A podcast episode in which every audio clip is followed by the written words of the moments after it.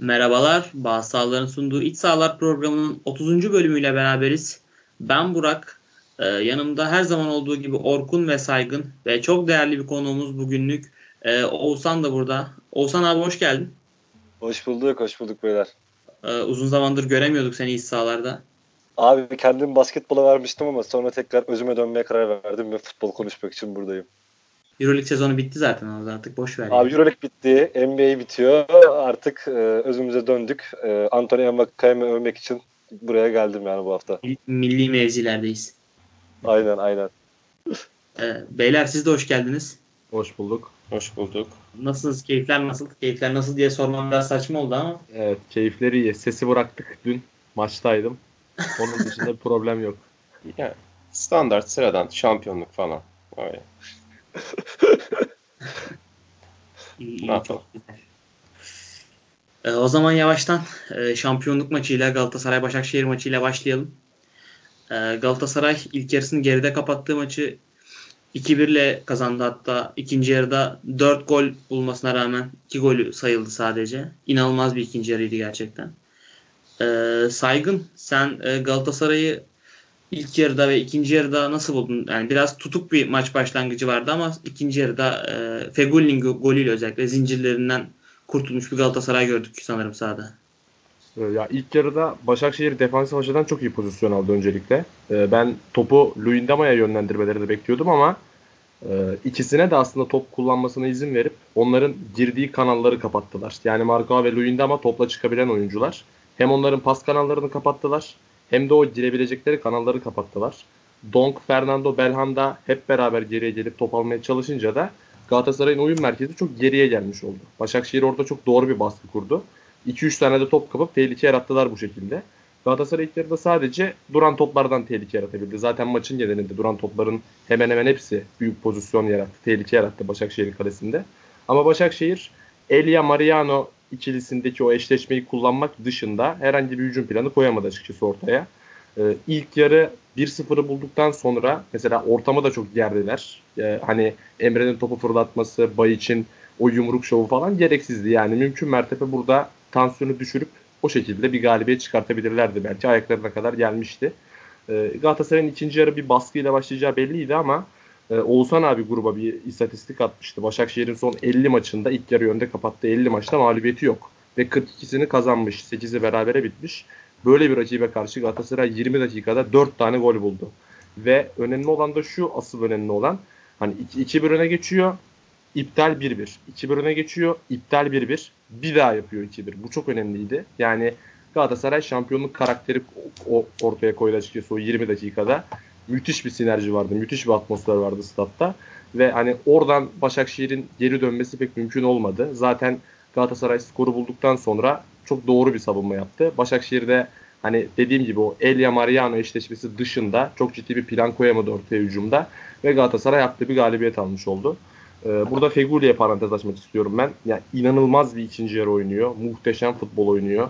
Yani her şeyi yapıyor sahada. Daha önce bir tweet atmıştım hatta bununla ilgili. Yani 2006 ve 2002'de bir Hasan Şaş performansı vardı Galatasaray'da. O iki şampiyonlukta başrol Hasan Şaş'tı. Yani çok benzer profilde bir oyun sergiliyor aslında. Yani elini taşın altında bu kadar koyan bir oyuncusu olmamıştı Galatasaray'ın yakın zamanda. Yani çok saygıdeğer bir futbol ortaya koyuyor. Ben sezon başında mesela satılsa ki çoğu Galatasaray'da öyledir. Satılsa sesini çıkarmazdı büyük ihtimalle Feguli için. Hatta satılması gerektiğini düşünenlerin sayısı daha fazladır büyük ihtimalle. Ama Aralık ayından itibaren o krizdeki Galatasaray'da formayı alıp öyle bir performans ortaya koydu ki şu an takımın bir numaralı oyuncusu haline geldi. Ee, yani Galatasaray bence e, şunu gösterdi. Galatasaray'ın tavanı ligin üzerinde bir tavan. Yani bu Galatasaray'ın o 20 dakikasını ligde oynayabilen iki tane takım var. Biri Galatasaray, biri de Trabzonspor.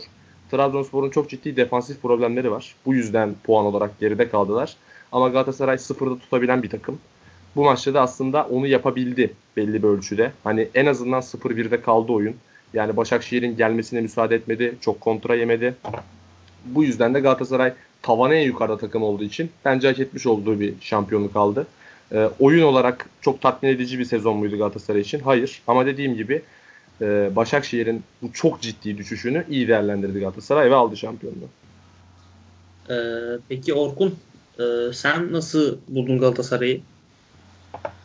Valla Galatasaray çok yani inanmış geldi açıkçası. Ee, o tribünlerin yarattığı enerjinin, o atmosferin olumsuz bir gerginlik yaratması da mümkündü takımda. Ama gördük ki gerilen taraf Başakşehir olmuş. Çünkü yani Abdullah Avcı'nın e, çok organize bir planla buraya gelmediğini düşünüyorum. Bu maça gelmediğini düşünüyorum. E, tek plan saygının dediği gibi Amariano'nun atletik kanat oyuncularına karşı olan zaafını kullanıp elinde de buna en uygun oyuncu Elia. Elia'nın e, Mariano'yu birebir zorlamaları üzerinden bir şeyler üretmeyi planladı. E, bu şekilde de zaten golü buldu. Ama Galatasaray işte geçen senenin sonunda son düzlüğünde şampiyonluğu getiren ve yine iki hafta önce Beşiktaş maçını aldıran Donk Belanda Fernando orta sahasına dönerek zaten ne istediğini başından e, belli etti. Yani sert duracağım, kontrollü oynayacağım e, ve özellikle de duran toplarda da kilidi e, açmaya çalışacaktı Galatasaray ki buna çok yaklaştı. iki topta. Ee, özellikle Markao'nunki gerçekten çok net bir pozisyondu. Eğer o top girse maçın çok daha erken çözülmesi e, beklenebilirdi e, açıkçası. Ama yine bir golü buldu Başakşehir ama yani o gol sevincinde vesaire de gördük ki yani o 90 dakikayı bitirebilecek sağlıklı bir ruh halinde değillerdi açıkçası. E, zaten sahaya çıkan takım da bunu çok gösteriyor. Yani yine stoperde işte Kudryashov, Mahmut ikilisini gördük. Bu ligde kaç maç beraber oynamış bu ikili ki şampiyonluk maçına çıkıyorlar. Aynı şekilde e, ligin ikinci yarısında bir şekilde götürmüş olan Robinho yerine Bayic tercihini gördük burada. İşte Robinho kenarda bekledi bu sefer. E, bir tuhaf tercihler oldu. Ama ilk yarıda e, özellikle Galatasaray'ı Luyendama tarafından oynatmaya çalıştı Başakşehir. E, Beşiktaş maçında da buna benzer bir baskıyı Şenol Güneş yapmıştı. Yani orada tehlike, tehlikeye yakın şeyler üretmişlerdi. Bu sefer karşı karşıya Bayiç kaçırdı. Ama bunun dışında Galatasaray savunması hiç organize bir pozisyon vermedi. Bu çok iyi bir e, artıydı. Sonrasında da Luyendama'ya gelen baskıdan sonra da işte Galatasaray'ın orta savunucuları Donk, Fernando ve Belanda özellikle biraz daha geri gelip e, pas alışverişine katkıda bulunmaya başlayınca o geçişleri hızlandırdılar. Ve sonrasında da tamamen oyun üstünlüğünü aldılar. Yani ben eminim ki maçı izleyen taraftarlar da, izleyiciler de Galatasaray'ın bu maçı hani çevirmeye yaklaştığını görmüşlerdir. Özellikle o Galatasaray baskıdan hızlı çıkmaya başlayınca. İkinci yarı başlarken yani Donk Fernando'dan birinin çıkacağı zaten çok belliydi ama ben iki bekten birinin değişimini özellikle Mariano'nun değişimini bekliyordum. Çünkü Elia birebir de çok zorladı. Yardım yardım da gecikince zaten asisti yaptı Elia. Ki bu sene çok iyi oynayan bir oyuncu olmamasına rağmen. İkinci yarıda 46'da Donk Selçuk değişikliğini daha değerlendiremeden hani sahaya nasıl bir etki bıraktığını görmeden zaten gol geldi. Müthiş bir zamanlama, müthiş bir gol. Figuri gerçekten yılın MVP'si. E, yani Edin Visca için çok konuştuk bunu ama Edin Visca sezonun son 8 haftasını eğer oynayabilseydi Feguli olurdu. Bu çok bir gerçek. Ee, normal sezon oynamakla lig sonunu oynamak e, bu işte basketbol maçında da olsan daha iyi bilir. Yani 3 çeyreği oynamakla son çeyreği oynamak çok farklı şeyler. Figuri gerçekten burada da kapıyı açtı. Sonra Galatasaray o kapıdan 45-65 arası hani kapıyı yıktı geçti. Ee, gerçekten hani koç başını vurdular ve girdiler içeri. İçeriği darmadağın ettiler. Bir de bir attılar sayılmadı. Bir tane daha attılar sayılmadı. En sonunda eh deyip Onyekuru vurdu kafayı. Ee, ondan sonra maçın çok daha farka gitmesi muhtemeldi. Özellikle e, Abdullah Avcı'nın yaptığı her değişiklikte orta sahayı eksiltmesi, orta sahadan götürmesi Galatasaray'ın çok daha net kontrollara çıkmasını sağlayabilirdi ama orada da artık şampiyonluk maçı son 20 dakika işte skoru koruyalım psikolojisi sanırım e, ön plana çıktı ki sonlarda da zaten Semih tercihi oldu. Ee, ayrıca ikinci yarı Galatasaray Selçuk inana rağmen bu maçı kazandı. Yani bir orta saha oyuncusu 45 dakikada 16 pas yapıp hiç ikili mücadele kazanmıyorsa e, eminim ki çoğu kişi görmemiştir. Sadece o saçma frikik organizasyonunda gördüğü kart da hatırlar. Bir de işte direğe vurdu topu. Onun dışında 10 kişi oynamasına rağmen Galatasaray e, gerçekte bu maçı kazanmayı başardı. E, ve çok inanmışlardı. Sonunda da bunu başardılar. Tebrik etmek gerekiyor. Ee, ya Başakşehir'le ilgili şöyle bir durum var. Başakşehir Beşiktaş maçında da bu maça da e, aslında bir iyi bir oyun planıyla çıkıyorlar ve maçın ilk 30 dakikasında o oyun planını uyguluyorlar. Ama iş biraz daha doğaçlamaya döndüğünde, biraz daha duygular öne çıktığında Başakşehir orada e, bir yerde kurtaramıyor durumu ve tepe taklak yuvarlanıyorlar. Bu maçta da gördük o durumu. Hani bir yerden sonra kontrolü tamamen kaybettiler. Oyun planından tamamen çıktılar.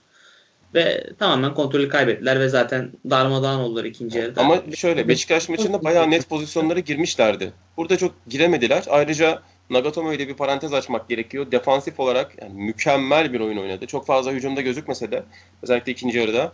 Yani Vizca'yı gerçekten Türkiye Ligi'ne geldiğinden beri yani e, keşke bu lige gelmeseydin dediği bir iki günden biri varsa o da bu maç olmuştur Visca için. Muhteşem ya, bir evet, defansif oyun evet, oynadı. Yine bir iyi bir oyun planıyla çıktıkları. Maçın başında daha iyi olan tarafta ilk bir 20-25 dakika. Sonra yine hani dediğin gibi Galatasaray seyirciyi arkasına aldı. İyi bir baskı kurdu. Ondan sonra yine oyun planından çıktılar ve dağıldılar. Başakşehir bunu her maçta yaşıyor zaten. Artık Abdullah Avcı da buna bir e, çözümde bulamadı açıkçası ve ligin sonunu getiremediler bu yüzden. E, yani ekleyecek de çok bir şeyim yok aslında Başakşehir ile ilgili. E, Oğuzhan e, hani Orkun'la Saygın Galatasaray tarafından baktılar daha çok. Sen e, Başakşehir tarafından bakınca bu maça ne görüyorsun? Abi ben şimdi Orkun'la Saygın'ın söylediklerine kesinlikle katılıyorum. Sadece bir nokta benim katılmadım. Abi ben şu Robinho tercihinin hatta ona ilişkin bir tweet de attım. Hani Robinho tercihinin 14 hafta boyunca yani geçen haftaki Ankara gücü maçına kadar Robinho en uçta oynadı. Ve hani belli noktalarda avantaj getirse de bu özellikle iç saha maçlarında o işte puan kaybı yaşadıkları e, işte Erzurum maçıdır, Rize maçıdır, e, Göztepe maçıdır. Hani bunlarda ciddi handikaplar da oluşturduğunu düşünüyordum. Ben geçen hafta oynattı Bayiç. Yani Bayiç de hani çok üst bir oyuncu olduğu için demiyorum ama en azından belli başlı forvet meziyetleri var. Yani Adebayor da olabilir. Yani önemli olan oraya bir forvet koymak belli noktalarda önemli.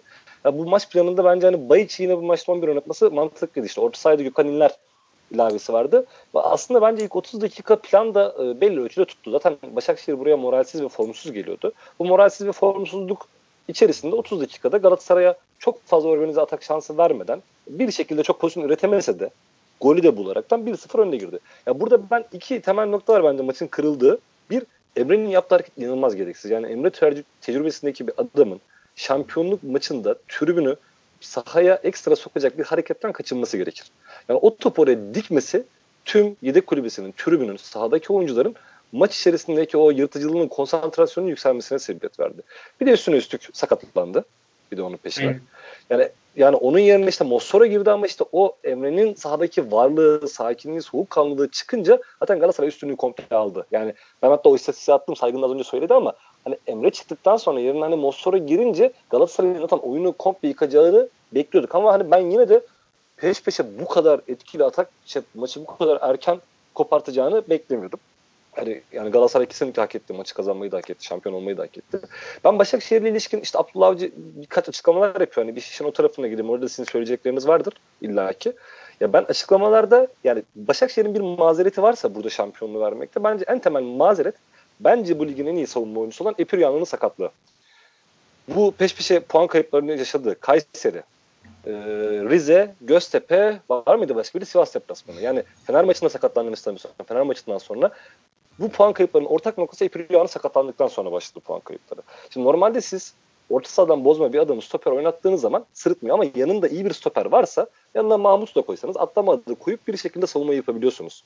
Ama oradan o takımın savunma temel özellikle işte hava toplarında savunma kurgusunda temel savunmadaki lider oyuncusu çıktığı zaman çok ciddi savunma zaafları görüyor ve nitekim mesela ben Ipurian olsa Galatasaray'ın yaptığı baskıyı bence çok fazla yap yani en azından bir kısmını tolere edebilirdi.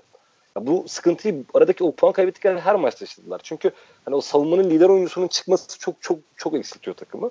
Yani ben mesela Abdullah Avcı'nın yerinde olsam bir bahaneye sığınacak olsam sığınacağım en temel bahane Epüryan olur yani. Çünkü hakikaten ligin bence o maça kadar en iyi savunma oyuncusuydu performans olaraktan. Yani yetenek olarak demiyorum ama performans olaraktan ligin en iyi savunma oyuncusunu kaybettiler. Ve ben bu maçta onun eksikliğini çektiler. Çünkü sizin dediğiniz gibi Kudraşov Mahmut ikilisiyle çıktılar maça. Yani biri sol bekten bozma, biri orta sahadan bozma iki adamla. Yani bu ikiliyle siz şampiyonluk isteyen bir Galatasaray'a karşı motive olmuş, türbünleri dolu bir Galatasaray'a karşı zaten çok fazla direnme şansı yoktu. Galatasaray ettiği galibiyeti aldı. Ya Mossoro zaten yani Emre'nin yerine girdi ya Mossoro zaten hani Abdullah Avcı'nın bu aralar çok tercih ettiği de bir oyuncuydu. Artık son maçlarda yavaş yavaş onun yerine sonları da oynatmaya başlamıştı. Hani çok formsuz bir döneminde bir de Mossoro kendini sahada bulunca hepten Başakşehir orta sahasında zaten ipler koptu.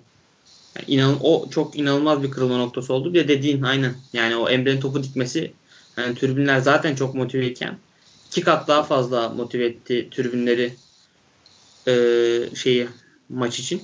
Ya, ee, bir de, bir de şöyle bir şey var. Ee, yani Emre Belezoğlu işte bütün hafta oynayacak mı oynamayacak mı işte idmana çıktı çıkmadı vesaire dendi. Yani maça çıksa da zaten bunu maçı bitiremeyeceği hemen hemen herkesin aklındadır diye düşünüyorum.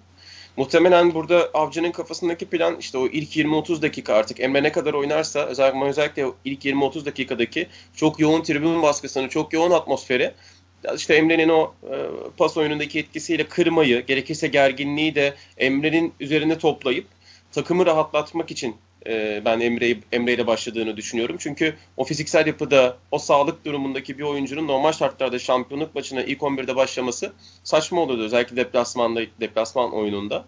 E, ama artık son maç e, teknik taktikten ziyade psikolojik faktörlerde ön plana çıktığı için Emre e, ilk 11'de başladı diye düşünüyorum. Normal şartlarda oynamazdı bu maçta. Emre teknik taktik olarak da zaten Başakşehir için bence bu maçta çok ya, kilit orası oyun. öyle. Orası öyle ama psikolojik tarafı da vardı işin. Tabii tabii. Yani orası öyle. Yani Mossoro'yla şimdi Emre'nin sahadaki ağırlığı çok farklı. Ben bir şey sorabilir miyim araya girip? Abi peki siz olsanız orada Emre sakatlandığında ne bileyim mesela ben olsam en azından ben kendi fikrimi söyleyeyim önce. Ben Mossoro'yu almak yerine 1-0 almışken hani mesela Atlamah'ı sahaya atıp Mahmut'u ön liberoya çekmek mesela daha mantıklı fikir olabilirdi.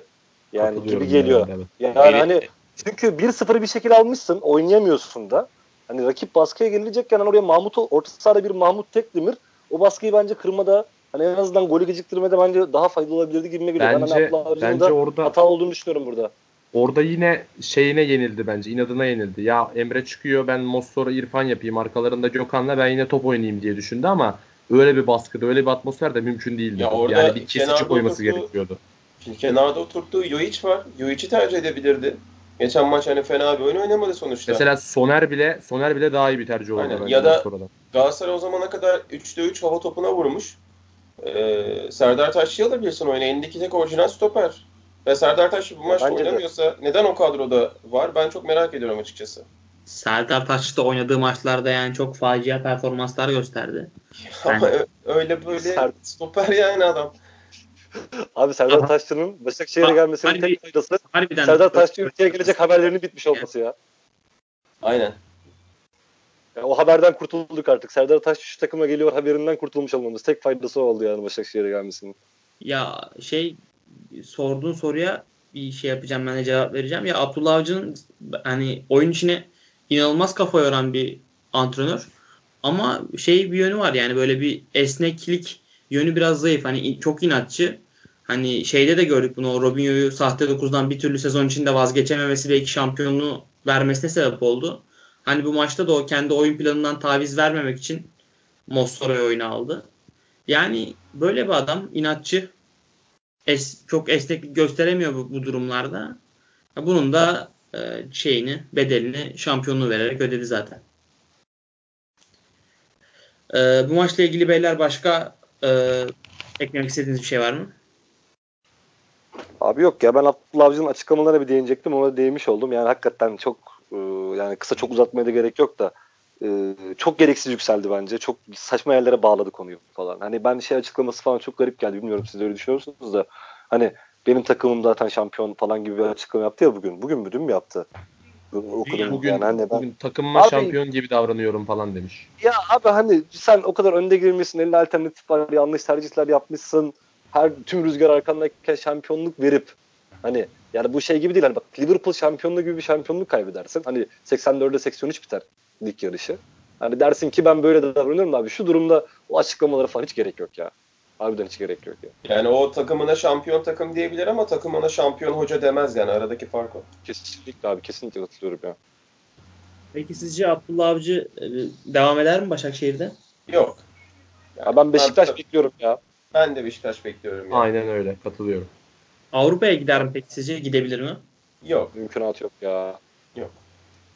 Yani şöyle olur. E, Bülent Uygun Avrupa'sı Avrupa olmaz da işte hani böyle daha Orta Doğu ülkesine falan gider gidebilir yok, derse ya. Ben hani Oralara yani. Ya da şey olur en fazla ya. İşte milli takımda işte yine bir gelişim dairesi bilmem ne falan. Oranın biri başına geçer belki. Ya şeyin e, bizim Mert'in bu arada Mert'e de selamlarımızı iletelim buradan. Şey dinamiği var yani NBA dinamiklerine göre Philadelphia 3 seneye şampiyon olur demesi gibi Türkiye Ligi dinamiklerine göre de Başakşehir'in Abdullah Avcı'nın Beşiktaş'ın başına geçmesi gerekiyor şu anda ya. Evet. Lucescu ya da Avcı. Kulağa müthiş ya. geliyor. Aynen aynen. Çok eğlenir seneye de ya. E, o zaman yavaştan e, Trabzonspor Beşiktaş maçına geçelim. Aynen geçelim benim biraz keyfim yerine gelsin geçelim. e, Trabzonspor e, güzel bir galibiyet aldı Beşiktaş'a karşı. E, Oğuzhan eminim keyiflisin. Abi inanılmaz. inanılmaz keyifliyim ya. Yusuf Yazıcı'nın e, son haftalarda sakatlığın izlerini de attıktan sonra inanılmaz bir yükselişi var. Ve hani gerçekten kendini tam sezonun sonunda buldu. E, hani böyle onun onunla başlayıp e, maçı bir genel değerlendiririm. Abi şöyle ya şimdi Trabzon'un ben yani devre arasından alayım. Şimdi Trabzon'un devre arasında şöyle bir plan yaptı. İşte elde Onazi var. Bir yol bulundu. Bu yol ne Onazi'nin yanına Sosa'yı koymak. Çünkü Sosa'ya bir yer bulmak gerekiyordu. Ee, işte Yusuf Abdülkadir, Envakame, Olcay falan bir rotasyon vardı. Olcay çıktı, Amir oynadı. Ama genel şablon bu yani. Hani bir tane de ofansif orta sahayı merkez orta sahada oynatıp takımın akıcı futbol oynaması ki Burak Onur gittikten sonra da biz bu futbolu sahada gördük. Yani Trabzonspor'un bu e, rotasyon geçtikten sonra iç sahada özellikle hani iyi oynamadı diyebileceğimiz maç sayısı çok az. Bir şey maçını hatırlıyorum. Alanya maçı olması lazım 2-0 yenildiğimiz. Hani o maçta bile çok kötü oynamıştık. Hani e, bir o maçı sayabiliriz kötü oynadı. Bu plan bir şekilde işe yarıyor. Ama ne oldu bu planda? Devre arasında aslında plan şuydu. Hani ona zil tutacağız. Kuçka'nın maliyeti yüksek. İşte bir şekilde işte financial fair play'den yutmaması lazım kulübün. Gönderelim bir tane ucuz bir orta saha alternatifi bulalım. Sezonu böyle kapatalım. Ama aksilikler peş peşe geldi. Onları sakatlandı ve transfer yasağı geldi. Bu sefer takımda defansif orta saha kalmadı. E, hoca da buna bence müthiş bir çözüm üretti. Hakikaten mükemmel bir çözüm üretti. Yani bu arayı müthiş yönetti. Yani bu hata Galatasaray deplasmanında yaptı işte. Hani defansif orta saha yok bari Zargo Turu'yu oynatayım diye. Ondan devre arasında vazgeçti ve e, Trabzon'un kötü oynadığı deplasmanlardan birinde bile Galatasaray'a karşı ikinci yarı bence gayet iyi top oynamıştı o maçta böyle. Ondan sonra da bundan hiç vazgeçmedi. Yani bu temelinde bu farkı yaratan aslında Beşiktaş maçları, diğer iç saha maçlarında da, diğer büyük maçlarda da fark yaratan unsur bu oluyor. Ha, bunun tabii ki defoları var. Yani ama şöyle bir şey var. Beşiktaş gibi motivasyonu düşmüş. Ligden kafa olaraktan bitirmiş. Hani oyunda e, Trabzonspor'un daha iyi oynayabileceği, üstün gelebileceği takımlara karşı Trabzon sahada inanılmaz oynuyor. Yani bunda çünkü şöyle bir şey var e, Yusuf Sosa, Abdülkadir parmak üçlüsünün üçü de toplu topsuz. Aradaki o hani o sahadaki half space dediğimiz kısımların o x'lere o işte yeni çok moda tabirle anlatayım o sahte 8 dediğimiz o aralara koşu yapan toplu topsuz gidebilen Üçü de bunu yapabildikleri için ve aralarında pozisyonu değiştirebildikleri için takım inanılmaz bir akıcılık kazanıyor. Ve bu maçta da bunu gördük. Abi ilk 30 dakika hatta saygın yazmıştı. Abi bu nasıl tempo diye. Abi ilk 30 dakika bekler oyunda. Yusuf topsuz koşu yapıyor. Abdülkadir topsuz koşu yapıyor.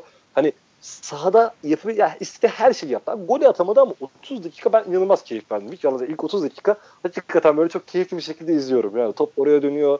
Müthiş paslaşmalar oluyor. Golü bulamadı ama ben hiç endişeli değildim. Yani golü bulamamasına rağmen hani o takım bana şey hissini verdi. Yani 30 dakika atamadık ama biz maçı kazanacağız. Yani o, o, o, o his vardı sahada. Ama sonra işte şunu da görüyorsunuz. Takım müthiş oynuyor. Her şey çok yolunda gidiyor. Ama iki tane pozisyon verdik. Çünkü niye az önce işte e, Saygın mı Orkun mu hangisi, hangisi söylemiş hatırlamıyorum da şey söyledi hani Galatasaray'la beraber ligin iyi futbol oynayan, bu seviye futbol oynayan takımlardan bir tanesi ama savunma yapıyor. Evet savunma yapamıyor. Çünkü bu kadar iyi oynadığı bir maçta dahi iki tane, üç tane yüzde yüzlük gol fırsatı veriyor ama yani o goller girmeyince ikinci yarıdan tekrardan işte Abdülkadir'in müthiş yani bireysel yaratıcılığı topu aldı, durdu, tekrar sürdü, asist yaptı. E, golü bulması derken hani oyunu tamamıyla istediği gibi şey yaptı. Beşiktaş tarafından ben kısaca bakayım. Ya Beşiktaş'ta da şöyle bir şey var. Yani ben hakikaten aklım ermiyor. Yani Beşiktaş maç kaybedebilir. Beşiktaş Trabzonspor'a göre daha kötü de futbol oynayabilir. Hani bunlar hiç anormal şeyler değil. Ama yani sahada bu kadar plansız, bu kadar ne yapacağını bilmez şekilde olmasını ben hakikaten kabul edemiyorum. Aklım almıyor yani. yani hiçbir şekilde şimdi Medel Atiba ikilisiyle çıktığı zaman şunu yapman lazım. Takıma belli bir şekilde bu ikisini yani mesela bunu Galatasaray maçının başında biraz yapmıştı. Trabzonspor'un bu oyunu oynayacağı belli. Ofansif 3 tane ofansif oyuncunun orta oynadığı belli. Ama hiçbir şekilde Trabzon oyunu bozmadılar ve bunu da çok fazla denemediler de. Yani Trabzon ne oynamak istiyorsa, tempoyu nasıl yönetmek biraz şey oldu. Araya gireceğim. Ee, geçen sene e, Galatasaray maçından önce o Fenerbahçe ile oynadıkları kupa maçında şalteri kapatmışlardı. Ee, bu sene de Galatasaray ile Arena'da oynadıkları maçtan sonra şalteri kapattılar. Arda arda iki sezonda. Birinde Fenerbahçe, birinde Galatasaray şalterini kapattı Beşiktaş'ın. Ya abi aynen o şekilde ve yani hiç yani Beşiktaş sahada hiç yoktu maç 2-1 bitti ama yani 2-1 bitmeyebilirdi de ee, şey yapmıştı. Yusuf'a da hani şöyle parantez açayım. Yani Yusuf aslında bakarsan oyun olaraktan e, son haftalara kadar geçen seneki kadar iyi oynamadı. Ama o defansif orta olmadığı yerlerde birçok maçta geride oynadı. Merkez orta sahada oynadı. Önde oynadığı maçlarda geriye çok fazla yardım etti. Hakikaten müthiş bir karakter koydu. Yani oyunda çok iyi oynadı demiyorum sezonu. Hani çok iyi bir sezon geçirdi demiyorum ama sahaya koyduğu o liderlik, o mental olaraktan gelişim yani teknik taktik olarak gelişmesi de mental olaraktan müthiş bir sınıf patladı bence. Hani o liderliği gösterebilmeyi, sahaya ağırlık koyabilmeyi, ön taraftan ödün verip, ha bu Trabzonspor'un yararına olmuyor her zaman ama ön taraftaki oyundan ödün verip takım savunmasına katkıda bulunmayı. Ya bunları hakikaten çok iyi yaptı ve şu an geldiği nokta e, çok sevindirici. E, yani bu sene sonra transfer olmasını bekliyoruz hepimiz. Ben bekliyorum en azından. Hani onun açısından olması hem Trabzonspor'un mali durumundan kurtulması açısından bir para girişi bizim Trabzonspor için önemli. Hem de artık Yusuf yani 22 yaşına geldi ve artık bence e, yani çok düzey bir takıma gidemese de bir orta düzey bir Avrupa takımında inşallah sene sonunda kendisini görürüz, izleriz yani. Peki şeye ne diyorsun? Bu Trabzonspor FFF'den ceza alma durumu var. Abi ee, ben onu biraz baktım da yani var mı? Ya abi şöyle biraz bakındım. Normalde almamamız gerekiyordu. Ama orada e, yani çok ağır bir yaptırımla geldi. Normalde çok fazla karşılaşmamış bir durum. Yani bir takımda hangi takımın ikinci takım olmuştu bu şekilde yaptırım riski altında olduğumuz. Ama onun için tekrardan işte avukatlar kulüp tekrardan itiraz edip görüşme halinde olacaktı. Hani yaz transfer dönemine kadar işte bir de oyuncu satışı yapabilirsek işte biraz da giriş yapıp vesaire bir şekilde pazarlık yapıp e, yaz transfer dönemine kadar çözüleceğini umuyoruz. Yani en azından öyle söyleyeyim. Çünkü çözülmezse bir transfer dönemi daha transfer yapmadan geçmeyi takım hani yine iyi top oynar seneye bir şeyler yapar ama hani şu an liderlerimizde 9 puan var Trabzonspor'un Galatasaray'la 9 puan var arasında. Önümüzdeki sene bu 9 puanı kapatıp bir seviye yukarıda olmak istiyorsa yazın mutlaka transfer yapması gerekiyor takımın yani. Peki Avrupa yasağı durumu nedir? Abi işte o mesele var işte yani tam olaraktan daha netleşmedi. E, uyarı gelmişti şeylere uymuyorsunuz diye. Hatta Beşiktaş geçmiş şey, Trabzonspor geçememiş. Uyarı gelmiş de itiraz ediliyor. E, yani eğer yasak gelirse hem transfer yasağı artı Avrupa'dan men gelecek. Yani ya Avrupa yasağı neyse transfer yasağı çok kötü olur. Yani ikisi de yani abi bir de şu, şu da var ya ben e, yani Uğurcan'ın, Hüseyin Türkmen'in, e, Abdülkadir Ömür'ün önümüzdeki sene Avrupa arenasında olmasını da istiyorum ya. Hani yani orada bir e, grup aşaması en azından bir boy göstersinler. O tecrübeyi yaşasınlar. Çünkü hakikaten hak ediyor yani. Bu oyunun hani çok iyi, çok sonuç odaklı demiyorum ama bu takımın şu anki bu nüvesinin bir Avrupa'da yani bir en azından bir UEFA evet. kupası görmesi. Onu ben de inşallah çözülür yani. Ee, Orkun sen nasıl buldun e, bu maçta hani Oğuzhan daha çok e, Trabzonspor tarafından baktı. Sen Beşiktaş tarafından bakabilirsin. Beşiktaş'ı nasıl buldun? Hani iyi bir görüntü çizmediler. Zaten çok da artık bundan sonra Beşiktaş'ın pek çok iyi oyun oynamasını da beklememek lazım. Hani şalteri kapattıklarını düşünürsek Galatasaray maçından sonra. Onları nasıl buldun sen?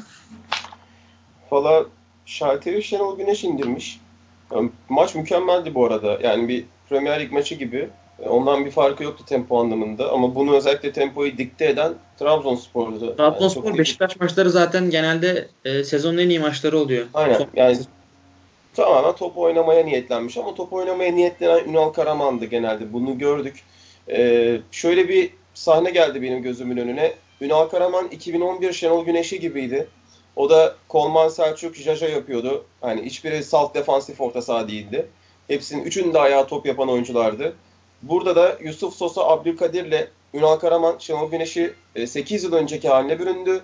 Ama Şenol Güneş ligimizdeki standart ortalama vasat Türk teknik adam kılığına girdi ve Medel Atiba ile çıktı. Yani Medel Atiba'ya karşı 3 tane ayağı top yapan oyuncuyla çıkıyorsanız zaten sahadaki fotoğraf, verilen mesaj çok net. Bir taraf oynayacak, bir tarafta mümkün olduğunca oynatmamaya çalışacak ama yani her zaman artık oynayanın kazandığı, e, matematiksel veriler de zaten bunu gösteriyor. Yani oynayanın kazandığı bir dönemdeyiz neyse ki. Trabzon'da gerçekten bunu çok iyi yaptı. E, özellikle 46'dan sonra e, işte bu Medel, Adriano çıktıktan sonra Necip'in sağ beke geçmesinden işte 10 dakika sonra da Nova'nın zaten kafa golü atması da bir e, tesadüf değil. Tamamen çünkü Beşiktaş'ın saha içindeki yerleşimi de alt üst oldu. Oyunu hiçbir zaman alamadılar bu arada. Yani pas yüzdesinde vesaire işte topla oynamada Beşiktaş öndeki gibi gözükebilir ama e, bir bağlantı oyuncusu olmadığı için işte Atiba biraz onu ilk yarıda belli bir süre yapmaya çalıştı Dorukan'ın rolünü. Biraz topu almaya çalıştı. İşte ikinci yarı Kagawa girdikten sonra da o takımın toplu oynama e, seviyesi, becerisi biraz daha arttı. Ama bunu da hani çok fazla işte, tehlikeye dönüştüremediler açıkçası. E, ve yine Kagawa'nın da fazla pas artık fantezi pas sonunda kaptırdığı bir top sonucunda da Yusuf belki de sezonun en güzel 5 golünden birini attı. Ee, o anda, o eforda topu oraya vurabilmek o kadar gerilmeden gerçekten mükemmel. Ben Zaten çok beğeniyorum onu hep Avrupa gitmesi gerektiğini de söylüyorum. Ee, ya Beşiktaş'ın, Şenol Güneş'in geldiği nokta, neredeyken nereye geldiği gerçekten çok dramatik. Yani Beşiktaş Medel Atiba'yı Bayern deplasmanında yapıyordu. Ama şu an Trabzon deplasmanında yapıyor. Ve çok da oynamaya müsait bir rakip karşısında bunu yapması e, bence Burak'a da, Laiç'e de oynamayı, oynamayı oynamasını isteyen taraftara da gerçekten çok büyük haksızlıktı ama Şenol Güneş'in zaten artık bunları çok da düşündüğünü zannetmiyorum. Olabilirdi sence Beşiktaş'ın orta saha rotasyonu? Dorukhan yokken. Şöyle olabilirdi. Kagaba ile direkt başlayabilirdi. Yani bu yapılabilirdi. Laiç, Kagaba, Atiba. ikinci yarı yaptın gayet de güzel. Beşiktaş top oynadı. Ha, üretti, üretemedi. O ayrı. Belki tek golü buldular ama yani elindeki malzemeden mümkün olduğunca e, pozitif bir şey çıkartman lazım. Çünkü karşında çok salt defansif orta sahalar yok. Yani belli ki bu oyun geçişkenlik üzerine kurulu olacak. Hani Trabzon çok katı savunma yapabilen bir takım değil. Çok iyi defansta pozisyon alabilen bir takım da değil. Hani dört dörtlük de değiller. E senin bunun için elindeki bireysel yeteneklerden maksimum yararlanman gerekiyor. Yorulana kadar Kagawa ile oyna. Yorulduktan sonra başka bir şey yap. Ama önce güçlü olan tarafını ön plana çıkar. Yani Oğuzhan zaten saymıyorum artık. Oğuzhan muhtemelen hani kulübede de oturmuyor. Sadece esame listesine adını yazıyorlar. Ve bu maçta bile oyuna girmiyor. Yani inanılır gibi değil. Artık seneye ona bakacağız. O da bence transfer yasağı gelmezse seneye bir Trabzon yapsa onun için de çok iyi olabilir. Rehabilitasyon amaçlı. Ee, Bekleriz. Bu şekilde. Aynen. Zaten oralı da bildiğim kadarıyla. Ee, Aynen. Gitsin. Ben ben Beşiktaş'ı hiç beğenmedim bu maçta. Çok daha iyisini yapmaları gerekiyordu. Rakip buna müsaitti ama Trabzonspor gerçekten hani çağdaş bir Avrupa takımının oynaması gerektiği gibi oynadı. Ee, gerçekten bu oyuncu grubunu, bu Ünal Karaman'ı yürekten tebrik etmek lazım. Mükemmel iş çıkarttılar. Yani zaten Ünal Karaman hakkında hani bu sezon önümüzdeki hafta ödülleri dağıtacağız sezon ödüllerini. Yani ben yılın teknik direktör ödülünü kesinlikle Ünal Karaman'a vereceğim yani kendi adıma. Hani kesinlikle. gerçekten e, şu çapasız orta saha bunu işte Abdullah Avcı'yla Abdullah Avcı da yaptı, yaptı. Ünal, Ünal Karaman da yaptı. Ya bu yani yapılabiliyor işte. Ya. Bu, yap, bu yapılabiliyor ya. Gördük en azından. Yani bu önemliydi bu sezon için. Önemli bir kazanım Türk futbolu yani, adına. Yine konuşacağız ama bir tarafta Aytaç, Baji, Seve üçlüsü bütün sezonu geçiriyor. Bir tarafta bu geçiriyor. Hani kadro maliyetleri arasında dramatik bir fark da yoktur muhtemelen ama görüyoruz yani. Farkındaki farkı görüyoruz. Artık oynamaktan korkmamak lazım. Aynen öyle. Aynen öyle. Ee, Saygın abi senin eklemek istediğin bir şeyler var mı maçla ilgili? Ee, ya ben Trabzonspor tarafından küçük bir şey ekleyeceğim. Zaten orayı Oğuzhan abi çok güzel özetledi. Ee, Yusuf Yazıcı'nın performansındaki dalgalanma biraz orta sahadaki rolünden de kaynaklı aslında. Ona paralel gidiyor biraz. Bu işte e, devre arasından sonraki süreçte Onazi'nin olmaması ve Sosa, Yusuf, orada Zargo Ture'nin zaman zaman oynatılması ve rollerin tam olarak dağıtılamaması Yusuf'un da performansını düşürdü. Oğuzhan abinin dediği gibi e, Yusuf'un defansif orta saha olarak oynadığı çok fazla maç oldu ve zaten Trabzonspor'da o süreci çok sancılı geçirdi. Ama parmak savunmanın önüne geldi. Sosa 8 numara rolünü çok iyi benimsedi, çok iyi kabullendi. E, Yusuf'a da ön taraftaki işler kalınca son 5-6 haftada çok ciddi bir çıkış yakaladı. Beşiktaş tarafından bakmak gerekirse hani Atiba Medel dışında benim aklıma çok iyi bir orta saha alternatifi gelmiyor aslında. Tamam Kagawa hiç yapabilirsin ama Trabzon gibi bir deplasmanda büyük sıkıntı yaratabilirdi bu 0-0 giden bir oyunda. O yüzden Beşiktaş'ın sıkıntısının ben ön tarafta olduğunu düşünüyorum aslında. Güven, Laiç, Kuarejma, Burak gibi topu ayağına isteyen, top rakipteyken hiç var olmayan 4 oyuncuyla oynadı Beşiktaş. E arkalarına Atiba Medel yaparsanız sizin bu oyunculara topu ulaştırma ihtimaliniz kalmıyor. O yüzden de bir tezatlık oluştu aslında. Ya Orkun o tarafı çok güzel söyledi. Bir Şenol Güneş'in e, yani çapasız orta sahayı aslında bize tanıtan adamlardan birisi Selçuk Kolman'la beraber Şenol Güneş'tir. Ama onun hani sadece Trabzon deplasmanına özgü olsa iyi. İç sahadaki çoğu maçta da Atiba Medel yaptığını gördük. O açıdan e, Şenol Güneş'in geçirmiş olduğu bu negatif evrim gerçekten üzücü. Yani kafa yormayı bırakmış Beşiktaş'la alakalı. Zaten çok önceden bırakmıştı ama artık hani son haftalarda çok net bir şekilde görüyoruz bunu zaten.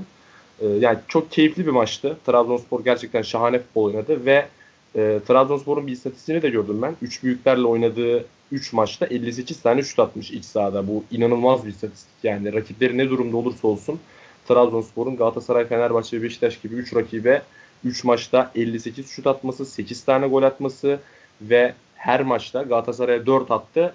yani devam etse ilk yarıdan sonra 6-7 olur. Beşiktaş ve Fenerbahçe maçları 2-1 bitti. Çok rahat 4 farklı 5 farklı kazanabileceği maçlar.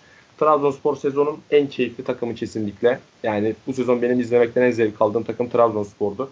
O yüzden ben de Burak'a katılıyorum bu noktada. Hani e, sezonun teknik direktörü Ünal Karaman bence de tartışmasız şekilde. E, yani Bana sormanıza gerek bile yok ya bunu. Aynen abi. Seni biliyoruz zaten. o yüzden yani bu kadar söyleyeceklerim. Çok keyifli bir maçtı. Trabzonspor yani çok güzel taçlandırdı. Belki üçüncü olamayacak. Beşiktaş Kasımpaşa'yı yener muhtemelen ama ya böyle bir sezonu böyle bir maçla taçlandırması, ödüllendirmesi güzel oldu. Aynen öyle. Ee, o zaman ufaktan e, Erzurumspor Fenerbahçe maçına geçelim. Ee, biraz da ben konuşayım burada. Ee, Fenerbahçe ilk defa e, bu sezon üst üste 3 maç kazandı. Fenerbahçe açısından çok alıştığımız bir durum değil aslında bu sene. E, Fenerbahçe e, bu maç çok mu iyi oynadı? Hayır. Yani ortaya çok iyi bir şeyler koyamadı açıkçası. E, ama e, bir şekilde kazanmasını bildi. E, yani iyi, ilk yarıda özellikle e, belli bir 10-25 arası Erzurumspor'un çok iyi bir baskısı vardı. Zaten Erzurumspor iç sahada bunu yapıyor. Yani e, bir şekilde rakip sahaya oyunu yığdıkları ve daha çok o ceza sahasından e, şutlarla İbrahim Akta olsun, Emrah Başsan olsun, Taylan Antalya'da olsun zaten uzaktan iyi şut vuran orta saha oyuncuları var. Onlarla beraber e, Fenerbahçe kalesini biraz ablukaya aldılar ama Fenerbahçe bundan e, pasla iyi çıktı. Sakin kalmasını başardı Erzurumspor deplasmanında ve biraz da e, şansının yardımıyla hani Erzurumspor'da girdiği pozisyonları çok değerlendiremedi. Ama bir şekilde hani oyunu sakinleştirmesini başardı. Ve ikinci yarıda da e, şey için bir zamanlama hatasıyla e, aldığı penaltıyla golü de attı. E, golden sonra Erzurumspor çok panikledi.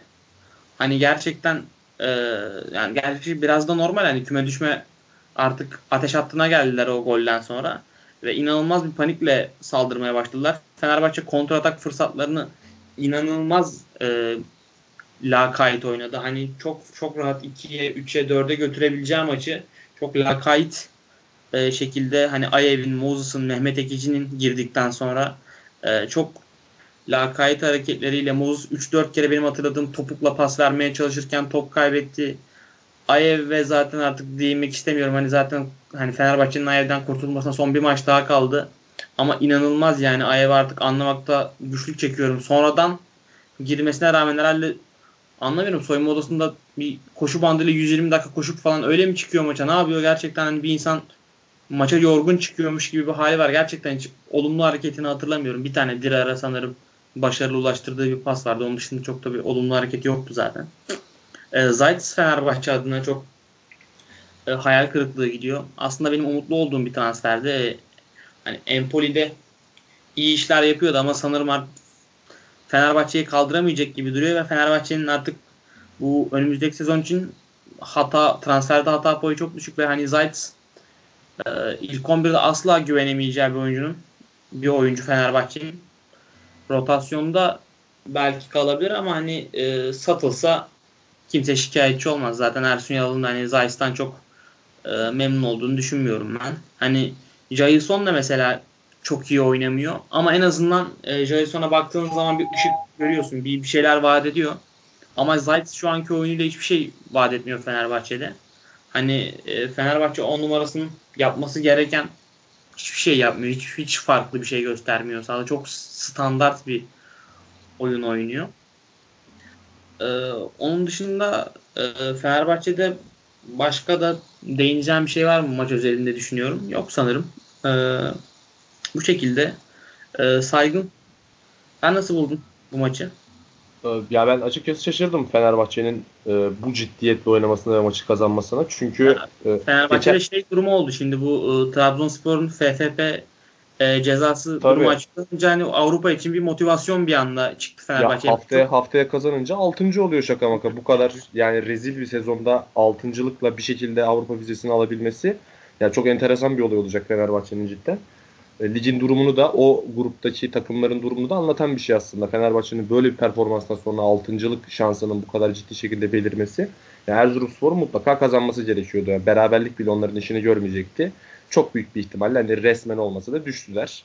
Ee, yani Fenerbahçe'nin hani çok ciddi bir hani bu motivasyonun farkındalığının yaş- yaşanacağını zannetmiyordum Fenerbahçe. Hani biz maçı kazanalım, altıncılık şansımız var diyecek bir oyuncu grubu olduğunu düşünmüyordum ben Fenerbahçe'de. Ama bu kadar Erzurumspor'un ihtiyacı olan bir maçta ilk yarıda özellikle Soldado ile beraber çok fazla gol kaçırdılar. Ya yani 3 tane 4 tane Soldado'nun çok net fırsatı var.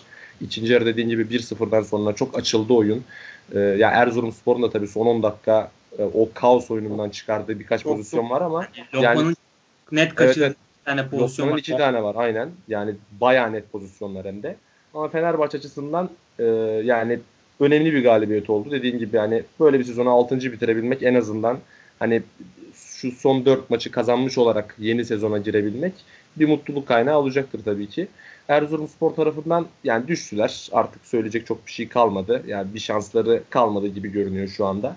Onlar açısından bence bu aşağı grupta e, hani en ciddiyetle bu işe sarılan takım Erzurumspor'du ama yetmedi bir şekilde. Yani Mehmet Özdirek'le çok uzun süre maç kazanamadılar. Şey bitirdi ya o yedi, ilk 7 haftadaki 2 puanı toparlayamadılar. Evet ya içeriden 10 kişi Ankara gücüne 90 dakika 10 kişi oynamış Ankara gücüne kaybedersen haliyle onu arıyorsun yani sezon sonunda. O çok net açık. Ee, işte Mehmet Özdirek'le bir türlü maç kazanamadılar. Hamza Hoca geldi. Kısa bir süre 3-4 maçlık bir toparlanma geldi. Sonra tekrar kayıplar gelmeye başladı.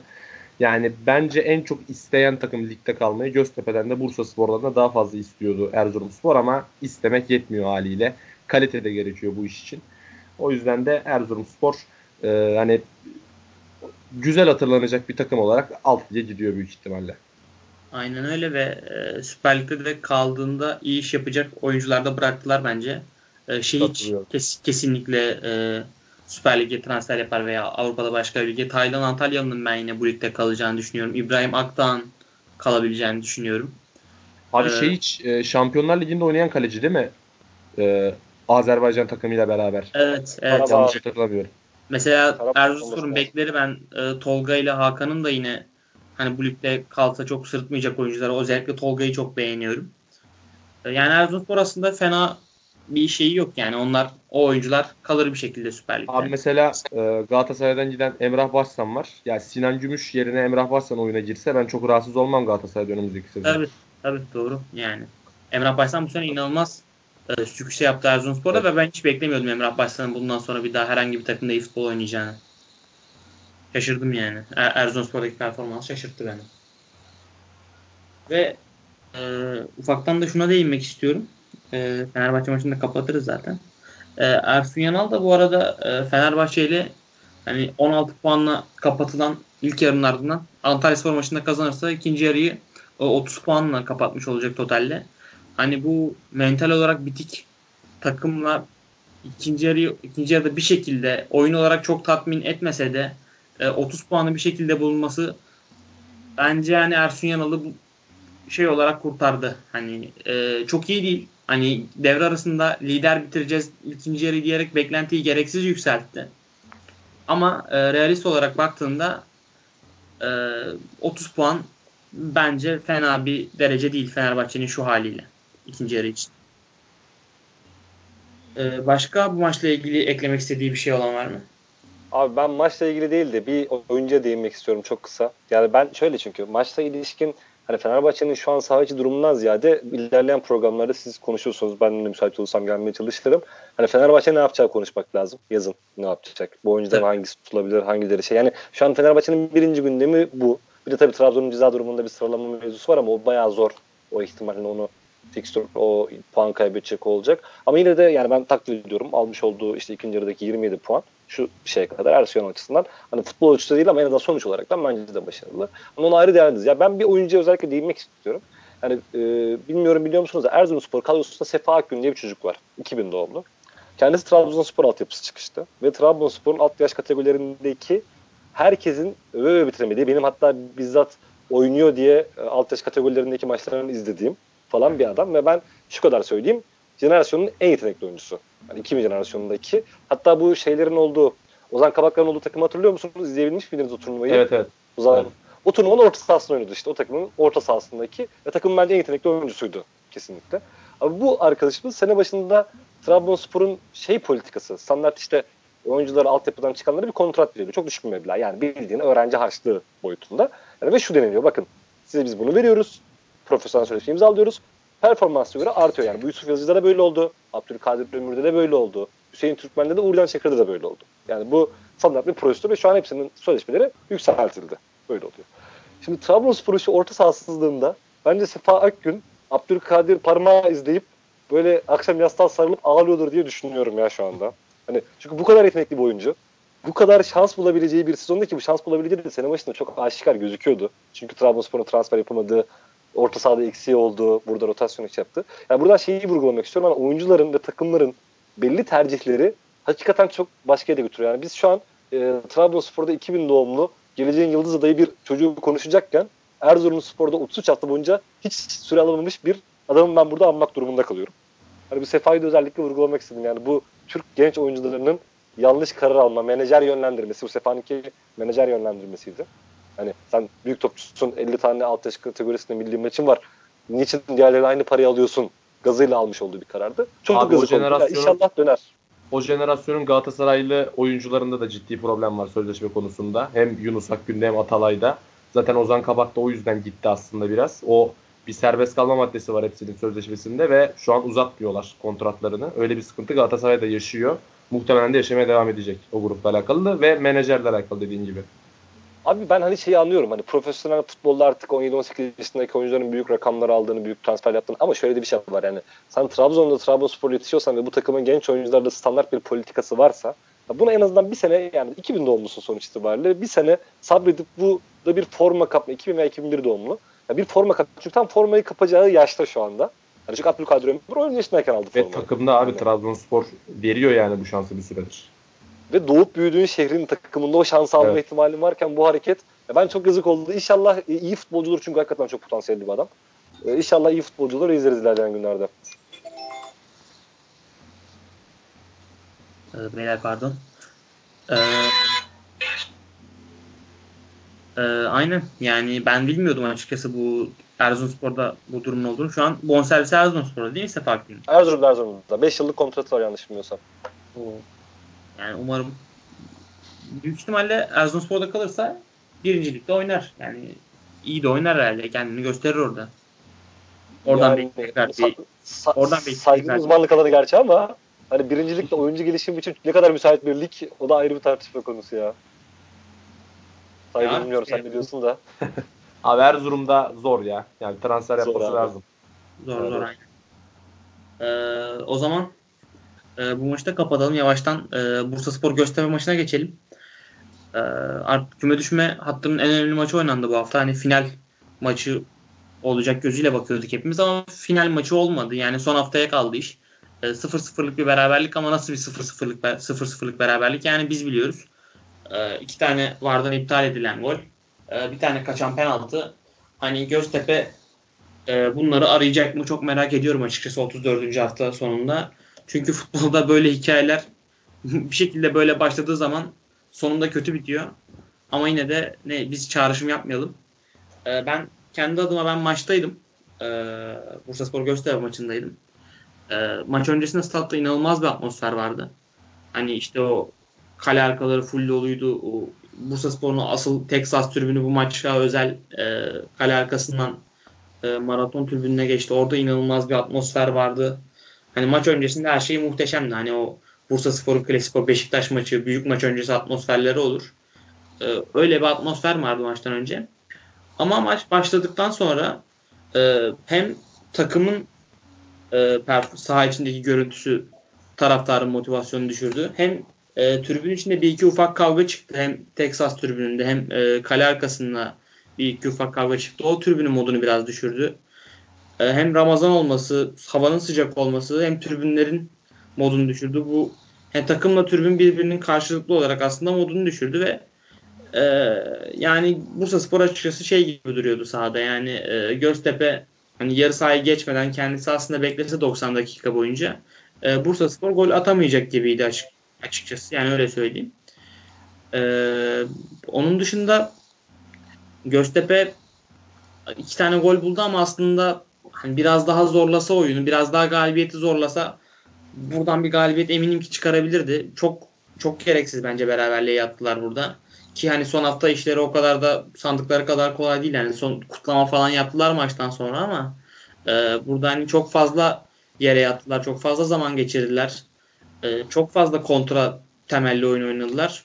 Hani buna gerek var mıydı Bursa Spor'a karşı? Bursa Spor'u bu kadar gözlerinde büyütmeye gerek var mıydı? Çok emin değilim.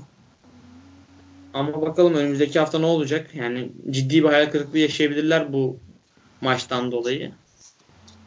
Ee, onun dışında bu maçla ilgili ekleyeceğim ne var? Ee, bilmiyorum. Siz konuştuk belki aklıma gelir. Ee, Abi ben bir gireyim mi kısaca? Tabii. Ben çok zaten ben hani biraz maça bakalım da şöyle bir şey var. Yani son hafta fikstürlerini birazdan konuşuruz ama yani Bursa Spor'un hali yani sen tribünlerini daha iyi görmüşsündür ama oyun olarak da çok kötü top oynuyorlar ve çok ben kötü. hani şunu anlamıyorum. Hani tamam kadro kısıtlı, hücum olaraktan kısıtlı bir kadro ama e, Mesut Bakkal görevi geldikten sonra Bursa Spor'un 6 maçta attığı gol sayısı 2. Yani küme düşmeyle, can havliyle saldıracak olan bir takım nasıl oluyor da 6 maçta 2 gol atabiliyor ben bunu hakikaten anlamıyorum. Yani sahada da sana katılıyorum Göztepe'nin kazanması gereken bir maçtı. Hani son haftaya bıraktılar. Son hafta Ankara gücü oynuyorlar. Ankara gücü Bursa küme düşmesin diye o maça çok ciddi asılacaktır. Ben hiçbir şekilde ki Ankara gücünün de şey söylentileri var. 6 puan silme falan filan söylentileri var. Bilmiyorum siz okudunuz mu da onları. Hani öyle şeyler de var. Ceza alma durumları varmış herhalde. Hani öyle bir risk olmuş olduğu için Ankara gücü hani kendisi adına da maçı kazanmaya da oynayacaktır. Ama o riske karşı 6 puanlık şeye o diferans oluşturmuş. Sezon sonunda yapılabiliyor mu o puan silme? Abi yani, ben çok anlamadım. Bilmiyorum. Sonra puan silebiliyorlar mı? Abi ben çok bilmiyorum detayını ya. Sadece okudum. Abi hani... şeyin e, Balıkesir'in falan sezon içinde silindi puanı bu sezon alt ligde. Ben Aynen bugün yani. Ankara Gücü Başkanı'nı Ankara Gücü Başkanı'nı dinledim bugün. Yani öyle bir sıkıntı olmadığından bahsetti. Hani bir şikayet de yok gibisinden konuştu ama çok öyle yüz ifadesi güven vermedi açıkçası. Hani sanki bir risk var gibi duruyor. Allah Allah. Ya hem Bursa hem de o risk her ihtimalle karşı bu maçı Ankara Gücü kazanmak evet, isteyecektir yani. Çok e, kolay bir maç olmayacak yani. Onların öyle kutlama yaptığı gibi sevindiği kadar öyle kolay bir maç olacağını ben düşünmüyorum açıkçası. Abi de Göztepe mutlak kazanması gereken maçlarda çok sıkıntı yaşıyor bu sezon bir de iç sahada. Böyle öyle. bir problemi de var. Aynen öyle ya. Hani e, bu maçı bence biraz daha top oynamaya çalışsalar e, çok rahat oyun üstünlüğünü alırlardı. Golü de bulabilirler. Daha fazla pozisyona da girebilirlerdi. Gerçekten hani çok e, gereksiz beraberliğe yattı Göztepe. E, Bursa Spor açısından da yani hadi yetenek konusunu geçtim, yetenek kısıtlığını geçtim. Bu takımda gerçekten hani oyun zekası e, yüksek hiçbir oyuncu yok. Yani bu hani izlerken e, çok sinir bozucu bir takım oluyor Bursa Spor. Yani hiçbir şekilde hızlı pas, hiçbir şekilde hızlı paslaşamıyorlar. Hızlı top çevirme zaten yok. Her bir şekilde hani ağır ağır e, yatay paslar. Hani dikine hiçbir şekilde pas yok. Bir şekilde e, kanat oyuncusuyla veya bekiyle buluşan top. Ceza sahasına bir orta hani olursa oluyor. Olmazsa zaten hani e, Bursa Spor 26 gol attı bu sezon. Olmazsa da olmuyor ama yani çok sıkıntılı. Küme düşmeyi sonuna kadar hak etti Bursa Spor oynadığı oyunla. Hani bu kadar hak edilebilirdi en fazla. Ee, Çeju transferi hani yaz döneminde bir şekilde onları yine buraya kadar getirdi. Bence onu transfer etmeseler şu an ne durumda olurlardı bilmiyorum. Ee, yani Bursa Spor küme düşse de işleri orada da zor. Çünkü hani maddi bir buhrandalar aynı zamanda. Hani bir Eskişehir Spor durumuna düşebilirler düştükten sonra. Ee, başka bu maçla ilgili eklemek istediği bir şey olan var mı? Orkun. Abi sana dönmedik bu maçta. Yani şöyle bu, bu bir final maçı zaten.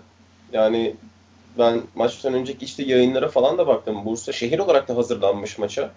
E, o tribünlerin atmosferi e, falan gerçekten çok iyi gözüküyordu. Tam bir akşamüstü maçı Ramazan olmasına rağmen. Yani her şey hazırdı. Bursa buradan bir 3 puan alsa işi bitirecekti. E, ama yine o Bacı, Aytaç, Sebe üçlüsü artık ne işe yaradığını bir türlü çözemediğim üçlü çıktı sahaya.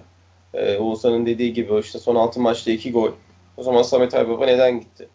Yani o da zaten bunu yapıyordu. O bunu yaptığı için gitti. Ee, şöyle ki işte istatistiklere bakarsanız Göztepe bu maçta sadece 2 şut çekmiş. Biri kaleye bulmuş. Ee, ama oyun öyle değildi. Yani bir, bir tane işte Umut'un vurduğu kafa dışında e, Beton'un son anda çıkarttığı top dışında Bursa'nın pozisyonu yok. Yani yine kuru kalabalık. Kuru bir toplu oyun o kadar. Yine, yine beceri sıfır, yaratıcılık sıfır. Yani şöyle bir deplasman maçında e, ligin finali ise bir deplasman maçında e, siz duran toptan gol atıyorsanız, kontra ataktan gol atıyorsanız, penaltıdan gol atıyorsanız zaten bir deplasman oyunda atabileceğiniz bütün golleri attınız demektir. Ya birinde piksel farkıyla offside oldu. Birinde e, yine çok küçük bir farkla offside oldu.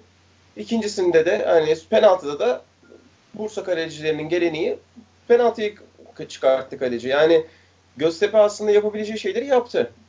Ya Çok ama ofansı düşünmeden o, bile. Oyunun mesela, içinde şey göstermediler abi o galibiyeti istiyor tam golleri bir şekilde buldular ona okey ama şöyle, o içinde o şeyi göstermediler o e, ısırganlığı göstermediler yani onlar çok, yani çok plan, fazla yaptılar abi. Ya bir plan yapmışlardı sonuçta o plan bir şekilde tuttu. Ya sadece yani resmi olarak skora yazılmadı onlar ama ya plan tuttu bunun içinde ben onları e, suçlayamayız. Burada bence Bursa'nın artık bu insanın içini sıkan kalite yoksunluğu çok kendini gösterdi. E, Ertuğrul Çaycı ikilisi gerçekten hani saatli bomba gibiydi ve açık alanda e, özellikle Ertuğrul için bu çok büyük bir e, defo. Eğer bir büyük takım transferi yapacaksa bu geniş alandaki e, çaresizliğini bu maçta bir kez daha çok net bir şekilde gördük. E, yine Bursa üretemedi. Göztepe bekledi. Belki biraz daha Göztepe kontrolleri düşünebilirdi. Çünkü e, Şehon'un da çıkışıyla, e, Latovlevic'in de çıkışıyla birlikte hani Ertuğrul ve Çevcu işte açık alanda yakalamak isteyeceğiniz ilk 5 stoperden ikisi olur bu ligde. E, onların üstüne biraz daha fazla gidip biraz daha bir şeyler çıkartabilirlerdi. İşte Halil Serdar kenarlarıyla. E, çıkarttılar ama işte gol verilmedi. Yani siz bir de, e, ev sahibi olduğunuz bir maçta, final maçında rakibinizden, direkt rakibinizden yiyebileceğiniz bütün tiplerden gol yiyorsanız Zaten burada çok bir şey konuşmaya gerek yok. Yani Bursa Spor bu ligde kalmayı bu haliyle kesinlikle hak etmiyor. Ee, ka- kadrosu çok mu iyi? Bilmiyorum ama mesela neden hiçbir maçı 4-4-2 başlamıyor mesela? Yani Bacı Aytaç zaten 4-4-2'nin orta sahasını fizik olarak tutabilecek bir ikili. Ayrıca Göztepe'de zaten öyle çıkmış maçı. Yani Göztepe'de Castro Poco ile çıkmış. Yani sen hala neden korkuyorsun? Neden çekiniyorsun? Bu düzenin sonuç vermediğini göre göre e, neden hala bunda ısrar ediyorsun? İşte bu da ligdeki vasat Türk teknik adamların artık yavaş yavaş piyasadan silinmesi gerektiğini bence bize gösteriyor. Yani yabancı oyuncu tamam belli bir oranda açıldı ama artık şu yabancı hocaları da biraz daha ya da alttan biraz daha genç hocalar, altyapı hocalarına belki biraz daha fırsat verilebilir. Çünkü gerçekten çok büyük rezillik vardı. E, Bursa muhtemelen düşecektir çünkü son hafta Malatya deplasmanındalar galiba. Yani oradan e, Avrupa iddiasını artık sona taşımış bir Malatya'yı ben deplasmanda yenmelerini beklemiyorum. Çok büyük bir sürpriz olur. Ayrıca Malatya'nın ileri ucu da Göztepe'nin ileri ucuna benzemez. Yani zaten açık alanda oynamak zorunda orada, kalacak orada Bursa Spor. Ben orada bir mağlubiyet görüyorum onlar için. Ee, Göztepe bu bir şekilde ligde kalacaktır bence. Ankara gücüne kaybetseler bile. Yani evet. Yani Göztepe'nin şu an ciddi bir avantajı var ama işi bitirme fırsatları vardı bence burada. Aynen yani o penaltıyı atsalar bitmişti zaten maç. Oradan sonra hayatta dönme şansı yoktu Bursa'nın. Ki çok da büyük olaylar da çıkabilirdi. Bir de sen hani tribündeydin ama ben televizyondan izledim. O ilk offside olan golden sonra hani gol offside sayılmadan önce tribünlerden bir tepki oldu. O daha hani maçın başındaydı ya ben öyle anladım en azından. E, eğer o hani gerçekse mesela gol verilseydi maç daha oracıkta bitebilirdi Bursa için. Çünkü taraftar belli ki çok gergin gelmiş zaten maça. Tabii tabii yani zaten inanılmaz gergin bir ortam vardı ve orada e, maç hani bu Göztepe atıyorum 60. dakikada 2-0'ı bulsa o maç tamamlanmayabilirdi bile yani. Aynen çok öyle, doluydu. Öyle bir gergin vardı. Barış Ama bir şekilde yani şans yardım etti Bursa Spor'a. Zaten şans da buraya kadar geldi ama onlar düşecek gibi duruyor. Ya abi bir de şey ekleyeceğim. Samet Aybaba da tamam Aytaç Bacısev oynuyordu ama o en azından bir bir oyun planı koyuyordu ortaya Aytaç Bacısev. Mesela Bursa Spor iç sahada iyi oynayamasa bile bir rakibe tempo yaptığı, baskı kurabildiği belli zaman aralıkları oluyordu. Mesut Bakkal döneminde hiçbir şey yapamıyorlar. Tamamen tamamen silindiler yani artık son 6 haftada. Bir Kasımpaşa maçında iyi oynadılar ki Kasımpaşa'ya karşı zaten artık herkes iyi oynuyor. Oynamayanı dövüyorlar zaten onlara karşı. Aynen. Onun dışında yok yani hiçbir şey yok sahada. Ee, var mı beyler son bir şey eklemek isteyen? Abi ben bir Antalya yeni Malatya maçına çok kısa değinebilir miyim? Buradan hem Malatya ile son maçı olduğu için. Öyle bir ona değinip kapatalım. Abi ben şeyi izledim Antalya yeni Malatya maçını bu arada. Abi şimdi yeni Malatya'nın en yakın rakibi ligde kim? Antalya Spor. Antalya Spor deplasmana çıkmış başta. Abi Bifuma bir kırmızı kart gördü. İzlediniz mi bilmiyorum ama. Abi o kırmızı kartın pozisyon reaksiyonuyla ben alakası olduğunu kesinlikle. Yani bir niyet okumayı sevmem ama kesinlikle alakası olduğunu düşünmüyorum. Yani böyle kasıtlı alınmış bir kırmızı kart olduğunu düşünüyorum. Ve ondan sonra da sırayla Adem Büyük, Ömer Şişmanoğlu yani Ömer Şişmanoğlu'nun sarı kartının kesinlikle kasıtlı alındığını yani birer hafta tatil erken gitmek hareketleri gördüm sanki. Yani ben bunu aklım almıyor. Çünkü en yakın rakibi Antalya şu an yendi ve 2 puan kaldı arasında. Şimdi son hafta yeni Malatya. Yani Bursa'nın kazanması zor ben katılıyorum ama öyle bir ruh hali var ki sanki bana şey gibi geldi. Hatta bu hafta konuştuk sizle de hani playoff'a girmemeye uğraşan altın orada havası verdi bana. Yani hani maça baktığım zaman. Yani bu, bu hakikaten olacak iş değil. Ve ben hani o yüzden de Malatya'nın bu maçtaki o oyuncuların o Adem Büyük'ün, Ömer Şimanoğlu zaten cezalı. Bifuma cezalı. Hani Adem Büyük'ün, Ömer Şimanoğlu'nun, Bifuma'nın vücut dillerini ve takımın genel ruh halini görünce de hani Bursa kazara bu maçı kazansa ben açıkçası şaşırmam. Hani o açık ve net söyleyeyim. Yani ben Adem Büyük'ün e, bir de özellikle hani burada bu hareketleri yaptıktan sonra da çıkıp dün de Abdullah Avcı ile ilgili ahlaksızlık söylemlerinde bulunmasının da yani şey gibi hakikaten ülkenin futbolda siyaseti gibi. Yani hani ahlaksız olan herkes birbirine ahlaksızlıkla suçluyor zaman olarak. Tam muhteşem bir lig. Hakikaten muhteşem bir lig yani bu yönde. Yani ben o yüzden son hafta çok şaşıracağımı düşünmüyorum. Bir çok kısa da şeye değineceğim. Abi Bülent Korkmaz biz az önce Noak Karaman'a ligin en iyi teknik direktörü, yılın teknik direktörü dediysek ben iki numarada Bülent Korkmaz'ı koyarım. Aynen. Yani şu takımdan man, mansiyon ödülü alır ya. gelmesi. Abi şuraya gelmesi muhteşem. Bu maçta da muhteşem oynadılar hakikaten. Yani e, ben ve yani en utandığım şeydir yani bu sene lige ilişkin en yanıldığım tahmin tabii ki Fenerbahçe ile beraber. Yani ben Antalya küme düşer veya küme düşme mücadelesi verir diyordum. Ve buradan bu takımın 45 puan toplayıp son haftaya Avrupa Kupası'na gitme ihtimaliyle girmiş olması muhteşem bir başarı. E, ve ben özellikle girdim baktım. E, Diego'nun kontratı bitiyor. Yani ben olsam bir büyük takım bile olsam rotasyona bir üçüncü stoper olarak da Diego'yu alırım. Çok açık ve net söyleyeyim yani. 30 yaşında da olsa bir yıllık iki yıllık kontratla hani üçüncü stoperim olarak ben alırım dursun derim yani kendisini. Umarım Trabzonspor'da içten içe bunu diyordur diye düşünüyorum yani. Ee, beyler başka ekleyeceğiniz bir şey yoksa e, yavaştan kapatalım. E, bu arada son olarak şunu da ekleyelim artık bazı sahalar olarak e, sadece SoundCloud'da değil e, Spotify'da da varız. E, artık o aleme de giriş yaptık. E, bunun da reklamını buradan yapalım. E, artık Instagram'dan, Twitter'dan, e, Spotify'dan, Telegram'dan e, bazı sahalar adresiyle bize ulaşabilirsiniz. E, Oğuzhan'a programımıza katıldığı için tekrardan teşekkür ediyoruz. Ben teşekkür ederim beni aldığınız için aranıza. ne, demek, ne demek haberden bekleriz. Haftaya ödülleri dağıtmaya da bekleriz. İnşallah bakalım. Ee, o zaman ufaktan e, programı kapatalım. Ee, bizi dinleyen herkese teşekkür ediyoruz. Hoşçakalın. Hoşçakalın. Hoşçakalın. Hoşçakalın.